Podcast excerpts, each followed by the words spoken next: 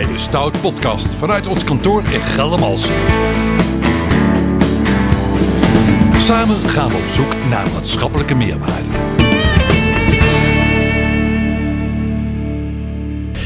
Ja, goedemiddag vanuit de studio in Geldermalsen bij weer een podcast eh, van de Stoutgroep op deze wat regenachtige, Herfst herfstachtige november namiddag. Mooi onderwerp hebben we over opvang van eh, vluchtelingen. Ik ga het even introduceren. Daarna introduceer ik de gasten van vanmiddag. Als gevolg van de oorlog in Oekraïne zijn er miljoenen mensen op de vlucht geslagen. En de EU heeft hiervoor de richtlijn tijdelijke bescherming, de TKB, vastgesteld. En hiermee hebben vluchtelingen uit Oekraïne in alle EU-staten tijdelijk recht op opvang, medische zorg, werk en onderwijs. En deze regeling geldt nog tot in ieder geval maart 2025. En in deze podcast gaan we in op wat het van een kleine gemeente kan vragen om dit ook daadwerkelijk te realiseren. Hartelijk welkom, burgemeester van Mook en Middelaar Willem Gradissen. Dank u wel.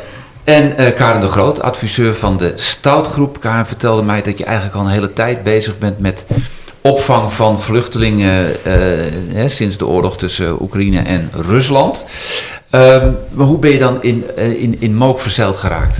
Ehm, nou, ze hadden daar een, een vraag. eh, ze wilden Mhm. daar graag een schip neerleggen. Dus ze zochten iemand die dat eh, kon realiseren samen met hun.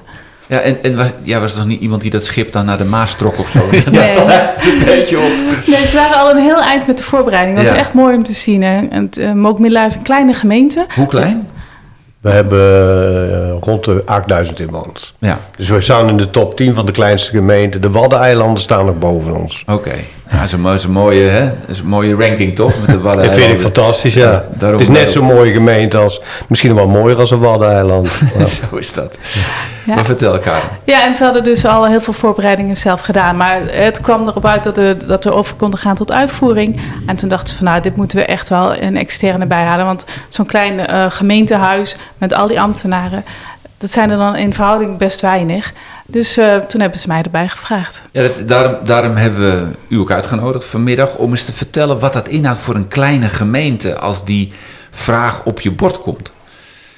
Ja, kijk, we hebben natuurlijk eh, medewerkers die vaak een hele brede taakstelling hebben. Want het echt specialisme, dat kan je pas ja, ontwikkelen naarmate zo'n gemeente groter is.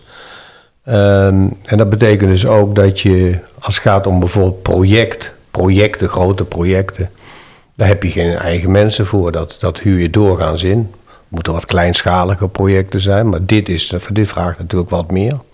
En bovendien hebben we ons wel goed georiënteerd, want eh, ja, daar is een bekostiging ook voor. Dus we hebben van tevoren dat ook allemaal wel overlegd met de Rijksoverheid. Het is eh, een nationaal belang dat de vluchtelingen, eh, in dit geval Oekraïnse ontheemden, worden opgevangen. Ehm, in Nederland zijn er inmiddels trouwens 91.000, dus er zijn er nogal wat. En wij wilden daar een bijdrage aan leveren. En, En, en meldt u zich dan zelf aan als gemeente of krijgt u een belletje zo van kunnen jullie wat doen? Hoe gaat het in zijn Nee, we hebben dit, dit zelf gemeld. Het is zelfs zo dat er, eh, dat zal eind 22, 2022 zijn geweest. Toen eh, heeft ook een rederij contact opgenomen met, eh, met een van onze wethouders. Ik moet zeggen dat twee wethouders, één bijzonder, hebben zich hier sterk voor ingezet. En wij speelden al wel met de gedachte van een schip.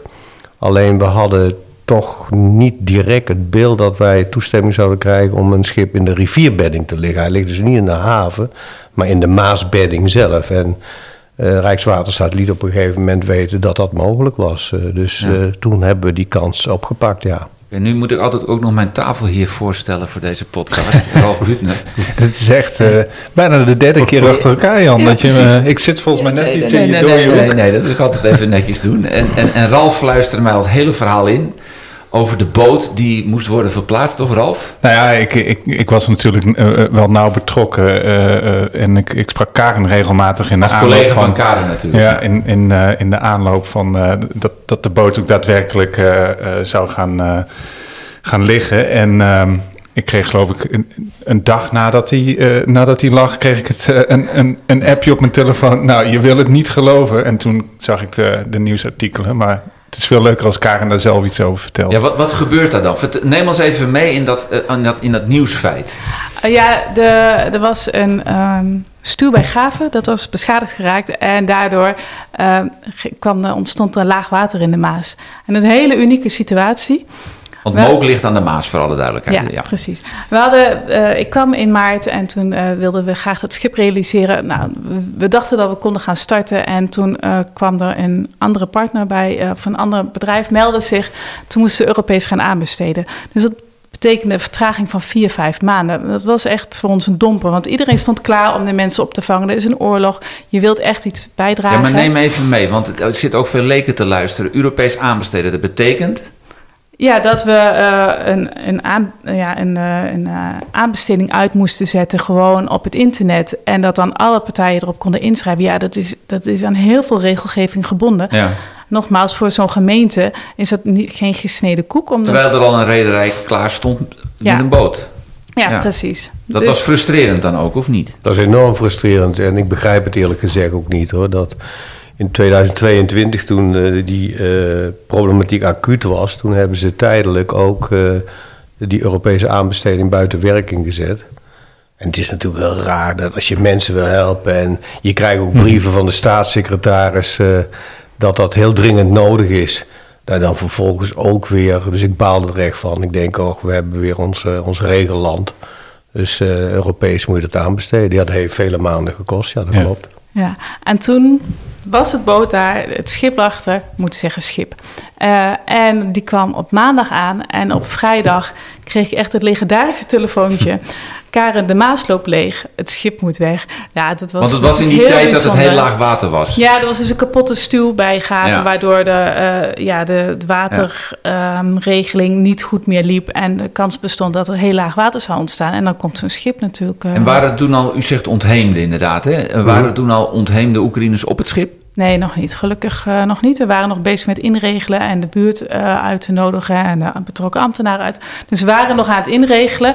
We hadden ze verwacht op dinsdag en op vrijdag eh, moest het schip dus weg. En hoeveel, aan hoeveel mensen biedt het schip plaats? Eh 100. Dat wou ik net nog even zeggen toen we het over de gemeente hadden.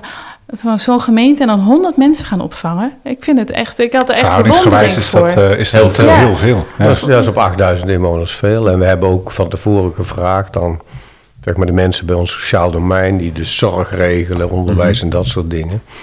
Van ja, wat kunnen we maximaal aan? Want dat is natuurlijk ook een probleem Ja. in ons land. Hè? Onderwijs, personeelstekort in zorg enzovoort. Dus we hebben toen gezegd maximaal 100, dat lijkt ons alleszins redelijk. Ja. Is, dit, is, dit, ehm, is dat typerend voor de, voor de gemeenschap in Moken en Middelaar? Dat je, dat je zeg maar, je op deze manier eh, eh, voor dit soort situaties inzet? Nou, ik moet wel zeggen dat eh, de inwoners van onze gemeente hebben wel zoiets van mensen in nood moet je helpen. Dat is absoluut wel zo. Ja. Ze hebben zelf trouwens ook, kijk naar de geschiedenis in de Tweede Wereldoorlog is Middelaar voor een groot deel moest zelfs ontruimd worden. Hebben die mensen ook elders in Nederland gezeten. Dat is nog wel heel lang geleden. Er is in de jaren 50 ook zijn er eh, mensen uit de Molukse gemeenschap opgevangen uit voormalig Nederlands-Indië. Dus er is wel zoiets van, ik wil niet zeggen dat het bij iedereen zo is, die houding, maar algemeen kan ik zeggen dat ze zijn positief. En dat ze ook mee willen doen, ook vrijwilligers aanleveren. Daar kan Karin overigens meer over vertellen, want er is toen ook zo'n bijeenkomst gehouden waar mensen zich konden melden enzovoort. Ja, ik vind u echt wel een beetje bescheiden. Want ik vind echt hoe Mook Middelaar de, de ontheemde ontvangt is echt ehm, prachtig. Dus eh, eigenlijk geen wanklank. En, Ehm, en hoe komt dat, denk jij? Ik bedoel, als ik als buitenstaander, hè, bedoel, eh, dan ga ik nadenken van, oh, eh Mook, Millenaar, ik ken de regio een beetje, mooie huizen, weet je wel, hoge welvaartsstandaard. Speelt dat dan een rol? Of, of ben ik dan heel erg, hoe zeg je dat, in, in hokjes ben ik aan het denken? Nou, ik weet het natuurlijk niet zeker. Ik ken de gemeente ook nog niet zo heel lang. Maar ik denk dat er gewoon een goede gemeenschapszin heerst. Ehm, het is inderdaad een prachtige omgeving en er is inderdaad ook veel welvaart. Maar ja, ik denk dat het gewoon een, mooie gemeente is om in te wonen. En dat straalt uit, dat straalt af op alles, denk ik. Mhm. Denkt Dus, u er ook zo over, burgemeester? Ja, ik vind de mensen heel gastvrij. Dat was ook de reden toen ik eh, die vacature zag. Ik kende die gemeente al wel wat, het landschap enzovoort. Want u komt er niet vandaan. Nee, komt er niet vandaan. Eh, maar mijn kinderen studeerden in Nijmegen. In die omgeving gingen we wel eens ergens een hapje eten met elkaar enzovoort. En dan kom je ook in Moken Middelaar. En eh, voordat ik de brief ging schrijven, wilde ik toch wel weten wat zijn er voor mensen. Dus dan ga je wat boodschappen doen, dan ga je ergens zitten lunchen en dan leer je een beetje de mensen kennen. Nee, maar de mensen zijn inderdaad wel eh, heel vriendelijk, eh, doorgaans toch heel gastvrij. Eh, en ja, niet in zichzelf gekeerd. Ja, heel sterk naar buiten georiënteerd ook. Mooi. Ja, want het heeft ook wel ehm, best invloed. Hè? Want je denkt 100 mensen komen in de gemeenschap. Prima. Maar het schip ligt aan de kade. En de- voor, dus aan de Maas. En daar, daar wonen natuurlijk ook heel veel mensen. Je zei net al iets over grote huizen. Er wonen mensen die wonen daar eh, vrij. Dus ze hadden een vrij uitzicht. En nu ligt daar een schip met 100 mensen. Dat is wel wat, hè? Dat in één keer in je achtertuin gewoon een flat wordt neergelegd met 100 mensen. En ehm, daar vinden ze ook wel wat van. Maar altijd voorop gezegd, wij willen die mensen wel ontvangen. Maar eh, het doet ook wat met ons. En ik, ik heb daar, nou, dat gaat echt heel mooi. Ehm, ze, ze hebben met ons het gesprek over hoe wij het doen. Maar de mensen ontvangen ze met open armen. Ja, want wat, wat vraagt dat van jullie? En ook eh, eh, in, in de afstemming tussen jullie. Ik weet dat jij een keer op een zondagmiddag hebben jullie elkaar ook nog op de kade getroffen. Zaterdagmiddag, Op zaterdagmiddag. Ja. Eh, wat, wat vraagt dat van jullie en ook in, in de samenwerking met elkaar? Want ik kan me ook voor uw burgemeester me voorstellen dat het... Het is nogal wat om zeg maar, zo'n project voor een deel ook uit, uit handen te geven aan een, aan een externe eh, ja, die, die je nog niet kent. En, en waarin je ook een, eh, het, het vertrouwen moet hebben dat het wel goed komt. Ja, maar dat.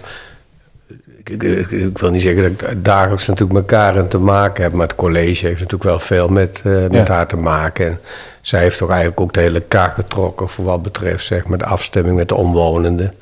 En de omwonenden hadden terecht ook wel een aantal zorgen, geluid en eventueel geur. Hè. Dat gaat dus niet om het koken of zo, maar de generatoren die draaien natuurlijk eh, sowieso overdag. Dus dat is een zorg en dat vind ik terecht de zorg dat mensen zeggen we willen s'nachts wel kunnen slapen. Dat lijkt me uitermate redelijk. Ja. Eh, maar ja, ik denk dat, eh, dan praat ik even namens college, en met name dan in eerste instantie de wethouder wonen, die heeft en ruimtelijke ordening heeft er veel aan getrokken.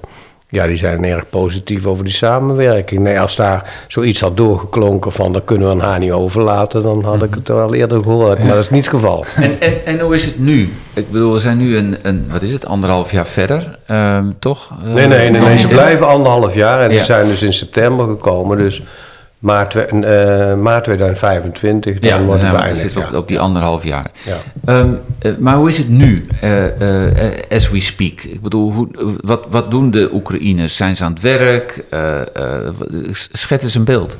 Ja, sinds eh, begin september ontvangen we dan de mensen. De- binnen vier, vijf weken zaten we vol. 100 mensen wonen er op het schip. En wat ik zelf jammer vind, is op het schip worden ze helemaal verzorgd. Er wordt eten voor ze gekookt en eh, ze hebben een, een hut tot hun beschikking en verder niks. Dat klinkt heel erg leuk, maar ik zou er best ongelukkig van worden. Maar goed, mensen zijn echt heel blij dat ze zo'n mooi onderkomen hebben. In een mooie omgeving, dat ze rust hebben. Ze kunnen tot rust komen. Dat zie je. Een gedeelte zie je echt tot rust komen en ehm, ja, bijkomen van wat ze hebben meegemaakt. Een heel groot gedeelte is al aan het werk.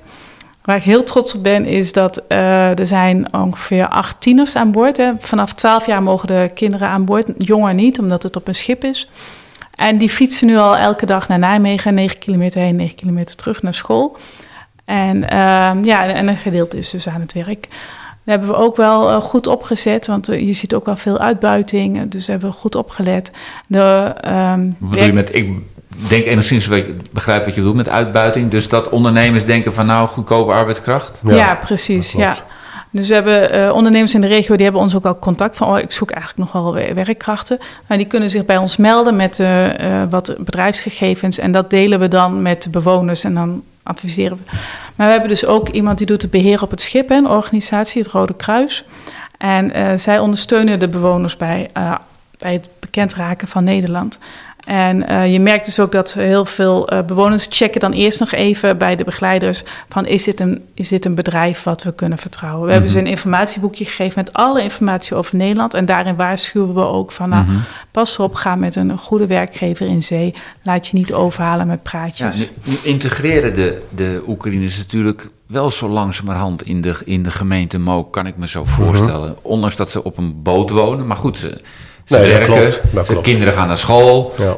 Eh, dan lijkt me heel moeilijk om over in, in maart volgend jaar te zeggen... jongens, ja, eh, Het houdt op. het houdt op, geld is op. eh, Ja, we Hoe- willen hoe ook wel, dat? Ja, we willen ook wel kijken of er mogelijkheden zijn om, om dan te zijner tijd ook alternatieven te hebben. Voor degene die die keuze maken. Kan het ook zijn dat mensen andere keuze maken. Hè? Dat zal, dit is een beetje afhankelijk. En dat maakt natuurlijk die onzekerheid heel groot bij die mensen. Ja, hoe lang gaat dat duren in Ja. Oekraïne? En naarmate dat langer gaat duren... Ja, zullen er ook mensen zijn die zeggen... eh, gaan we nog wel terug? ja. Hè, dus het is, wat dat betreft is het wel natuurlijk ja, bijzonder. Als je, eh, ik heb daar mensen mogen verwelkomen, althans een groot deel was erbij aanwezig. En die onzekerheid, ja, die is natuurlijk heel groot. Je moet maar voorstellen dat, eh, dat familieleden ook vaak nog daar zitten. Dat je man daar zit, of je zoon. Of, vandaar dat eh, wifi-verbinding is heel vitaal. Dat vinden ze ongelooflijk belangrijk. Bovendien kunnen er ook broers tussen zitten in de rest van Europa. Praten over 8 miljoen vluchtelingen uit Ja. Oekraïne. Die daar zijn vertrokken. En waarvan dus ruim 91.000 in Nederland zitten. Eh, dus die onzekerheid is heel groot. Maar de mensen zoeken natuurlijk wel ja, werk, eh, school, ontspanning. Eh, en dat wordt, ook, dat wordt ook wel gedaan. Je ziet een mooie verbinding toch wel met verenigingsleven in, eh, in onze gemeente. Ik vind het heel mooi om op, op microniveau eigenlijk te praten over, over deze opvang. Eh, maar op microniveau kunt u natuurlijk niet beslissen over hun status. En dat, dat is landelijk, dat is in EU-verband natuurlijk ook bepaald. Of, Karen? Begrijp je wat ik bedoel? Dus Ja, over zeker, het, toekennen van paspoorten. de, nou, hè, dus, dus echt vestigen in Nederland. Ja, ik heb daar eigenlijk eerlijk gezegd niet zo'n mening over. Ik, heb me, ik hou me daar ook helemaal niet mee bezig. Wij zijn heel erg bezig met van nou, deze mensen nu goed opvangen.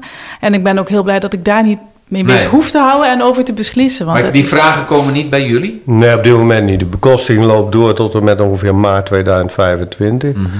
Dus wat dat, hoe dat verder gaat, ja, het, het, het lijkt mij wat hypothetisch om te veronderstellen dat dan die oorlog is afgelopen. En dat de situatie voor mensen fundamenteel is veranderd. Maar dat is de onzekerheid die- die ook bij die mensen ook nog eens een keer bij een verblijf hier. Hè. We hebben de zorg aan Oekraïne, dus wat dat betreft is die zorg er Maar die, natuurlijk die wel. ja. onzekerheid zit ook aan de bewonerskant van Mook. Dat, hè, dat Ja. schip ligt voor de kade in de achtertuin. Ja, maar is afgesproken anderhalf jaar. Ja. Oké, En maar dan, ons aan. Precies, maar dan, Ja. dan komt wel die vraag naar boven natuurlijk na anderhalf jaar. Wat nu? Of- Zowel voor de die bewoners al als voor de, als voor de ontheemden, toch?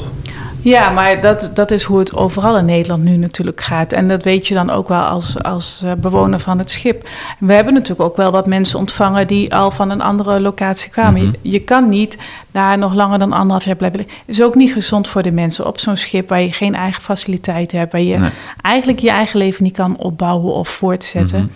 Dus eh, ja, er moeten oplossingen worden gevonden. En volgens mij is elke gemeente in Nederland daar nu op dit moment heel hard mee bezig. Van Ja, hoe dus gaan jullie we zijn daar hier... ook al mee bezig. Ja, de gemeente is daar wel mee bezig. Ja. Maar, Ja, eh, en primair is nu dat de mensen zich veilig voelen natuurlijk. En dat ze tot rust komen. En dat ze natuurlijk ook hier zich niet vervelen. Dat ze, dat ze dingen kunnen doen die zinvol zijn. En je ziet ook dat ze ervoor kiezen om Nederlandse les te gaan volgen. Dus niet alleen die tieners die naar school gaan, die uiteraard eerst ook Nederlands moeten leren. Ja. Maar dat geldt ook voor heel veel anderen hoor. Die willen toch wel wat van die taal weten. Dus er worden ook taallessen georganiseerd op, dat, op dat schip. En binnen de gemeente eh, wordt er gekeken, hè, wat, wat kunnen we vervolg doen? Want er zijn natuurlijk heel veel uitdagingen op huisvestingsniveau. Hè? Ook voor spoedzoekers, ook voor vluchtelingen en statushouders. Dus de gemeente is daar wel heel erg mee bezig van... waar is de uitbreidingsmogelijkheid en wat, hebben we wat moeten we daarvoor doen? Maar je loopt tegen twee hele belangrijke problemen aan. Het is de financiering, want als het tijdelijke bouwen is... is het heel moeilijk om dat eh, gefinancierd te krijgen. En de infrastructuur met de stroomvoorziening is daar echt een gigantisch knelpunt in. Dat klinkt altijd heel theoretisch als je gewoon op de bank zit thuis eh, het journaal zit te kijken. Maar als je daarmee aan het werk bent, dan denk je echt, wat gebeurt hier? Ik heb alles klaarstaan, maar ik heb geen stroom. Ja. Ja, en dat zijn wel echt Ja, uitdagingen. dat is onvoorstelbaar. eh, dat je, je bedenkt dat schip en dat wil je allemaal doen, maar dan loop je aan Europese aanbesteding. Je kan eigenlijk, zou je dat schip idealitair op walstroom laten lopen. Dan heb je geen gedoe met generatoren, met accu's enzovoort. Dan is er gewoon stroom. Maar ja, ons net is overbelast. En we hebben recent ook nog een, een, een woonwijkje opgeleverd. Waarin de mensen mazzel hadden dat ze op het laatste moment toch nog aangesloten waren. Anders hadden ze op campinggas moeten kopen Ja. of zo. Ik weet het niet, maar... Nou, zo, wij- maar wij- dat- zo wij- is het in het land ook. wij Dat je hebben wil gaan zeggen, in. Studio Geldermalsen hebben we twee podcasts over, eh, opgenomen over eh Netcongestie. Netcongestie. Ja, dus ja. wij weten er alles van. Oké. Maar, Ja. goed, maar goed dat jullie dit ook aanstippen ten aanzien van deze, deze problematiek. Wat ik, wat ik leuk vind om te weten, schept dit een, een, een, een gemeenschapsband? Eh, eh, maakt dit de gemeente Mook nog, een, nog een mooiere gemeente? Is het, is het werk er, eh, laat ik zeggen, eh, eh, in, in, in, ja, belangwekkender op geworden, mooier op geworden? Ja, ik denk het wel. Kijk, je komt toch in aanraking ook met andere culturen. Dat is ook een Ja. verrijking. En zeker omdat die mensen ook wel nieuwsgierig zijn. En die willen ook wel wat met die gemeenschap. Dus dat is toch wel een soort kruisbestuiving die er is. En ja, dat heeft men in Mook wel. Het is dus niet een gemeenschap die... waar je elders in Nederland ook nog wel eens aantreft. Ik ga geen namen noemen, maar die sterk meer intern gericht zijn. Mhm. Hier eh, vinden mensen dat toch interessant, eh, willen daar ook een bijdrage aan leveren. Eh, zelfs moet je soms een beetje afremmen. hè, In de zin van ja, er zijn vrijwilligers genoeg nu. Dus dan kom je op een wachtlijst of zoiets, zal ik maar zeggen. Maar eh, ja, dat verrijk wel. Er zijn mensen uit andere cultuur. En wat misschien ook wel bijzonder is, we hebben al eh, eh, meer dan 25 jaar een samenwerking met een zustergemeente in Tsjechië, in Pribislav. En dan zou je zeggen, ja, dat is dan een gemeentebestuur, dan ontmoet één keer in de twee jaar elkaar. Nee, dat is bij ons ieder jaar onze scouting daarheen en hun scouts naar ons toe. En zo zijn er ook allerlei kennissen en vriendenbanden, zeg ik maar, ontstaan. En dat is ook Oost-Europa. Ja. Dus die waren kort geleden ook in onze gemeente. eh, en die waren ook heel nieuwsgierig van eh, hoe gaat dat nou? Dus het is wel iets wat, ja, het, het verwijt wel eigenlijk je blik. En, En zoveel en liggen de culturen natuurlijk ook weer niet uit elkaar. Nee, nee, nee, nee. Je herkent ook wel dingen natuurlijk. Ja, die cultuur is anders met betrekking tot alcohol. Dat, hoeft geen- Ja. dat is geen geheim. Nee, dat is geen geheim. En eh, zoals er bij ons twintig jaar geleden gerookt wordt, wordt daar nog iets meer gerookt. Dat is, eh, zijn wel andere culturen, ja. Ja. Ja. En, en wat, ik, wat ik ook wil weten is, nu, nu speelt de, de, de oorlog Israël en, en Gaza, Palestijnse kwestie. Dat heeft alle aandacht. Hè? Eigenlijk praten veel minder mensen over de oorlog tussen Oekraïne en Rusland. Heeft dat invloed op het project? Dat, eh, dat, dat ook mensen in Moken Millena zeggen... ja, eigenlijk is die problematiek in Gaza misschien wel groter dan bij de, bij de Oekraïners? Of hoe, hoe, hoe Nee, is dat, dat? geloof ik niet. Ja, kijk, het is natuurlijk wel zo. begrijpen jullie mijn vraag Ik begrijp de? Ja. vraag heel goed. En ik denk ook dat heel veel mensen vanuit Oekraïne en heel Europa wel zoiets hebben. Ja, wij, eh, wij worden toch een beetje nu vergeten. Dat is ook zo. Het hele mediageweld, zeg maar. Maar ook oorlogverslaggevers die eens in Oekraïne zaten, zitten nu allemaal in, eh, in, in het Midden-Oosten, in Israël. eh, En doen daar verslag. Ja, Ja. dat is zo. En dat, zie- je ziet dat dat toch Oekraïne eh, eh, zeg maar naar de achtergrond verdwijnt. Ja. En dat zullen ze ook wel voelen. Ik heb het er niet met ze over gehad, maar dat zullen ze ook zeker wel zo voelen. Want die oorlog die is daar nog steeds gaande. En nog steeds wordt daar geschoten. En de Russen zien misschien nu ook zelfs iets meer kans, om het maar zo te zeggen. Ja. En, en wa- wat zijn de, de, de meest indrukwekkende menselijke verhalen die je bent tegengekomen, Karen? Nou, ik had dus eerst die opvang voor staatshouders gedaan in Oost-Gelre. En daar sprak ik heel veel met de bewoners. En eh, die kwamen meestal uit eh, Syrië of Afghanistan. En eh, veel mooie verhalen gehoord. Nu op het schip is een hele andere sfeer. Mensen zijn veel meer in zichzelf gekeerd. Zijn echt nog aan het bijkomen, dat gevoel heb ik. En ze spreken heel slecht Engels. En mijn, mijn Oekraïens is gewoon een beetje roestig. Nee, ik spreek natuurlijk helemaal geen Oekraïens. maar eh, dus de communicatie... Ralf wel. ja, communicatie is veel lastiger. Dus ehm, ik heb eigenlijk heel weinig verhalen. En je merkt ook wel dat mensen de verhalen nog heel erg bij zich houden. En eh, dat respecteren we ook eigenlijk met z'n allen. Hè? Niemand gaat vragen van, oh, vertel nou eens even jouw verhaal. Hè, je, je bent welkom aan de mensen. Als mensen hun verhaal kwijt willen, kan, kan dat ook bij mensen aan boord. Maar ehm, er worden eigenlijk nog heel weinig verhalen uitgewisseld. Je ziet wel echt gewoon dat mensen wat hebben meegemaakt. Dat zie je. Daar hoef je, Ja, dat vind ik hoef, wel. hoef je niet echt een gesprek Ja, die voor te glimlach dan zo'n middag, dat gaat toch wel, eh naar mij idee wel veel leedschaal. Ja. Alleen ja, die mensen die. eh, kijk, eh, het wordt beheerd door het Rode Kruis. Ze zullen daar ook wel eens het een en ander vertellen. Maar dan kom je toch ook bij professionals. Rode Kruis doet dan toch ook het beleid dat via de huisarts. Je hebt trouwens ook een landelijke lijn voor Oekraïners. Dus als men over dingen wil praten of dingen die men heeft meegemaakt, is dat ook de juiste weg. Eh, Laat het op de plek waar het... Laat eh, op de plek ook waar die deskundigheid, die professionaliteit is. Maar eh, ik- denk ook niet dat, dat, dat op dit moment mensen uit Mook eh, zo, zomaar aan die mensen gaan vragen van wat heb je nou meegemaakt. Nee. Dat dus die ik ook afstand niet- is er ook wel. nee. Ja. Ik bedoel, Ja, maar er Ehm. wordt wel weer heel veel georganiseerd. Of, nou, maar wat bijvoorbeeld?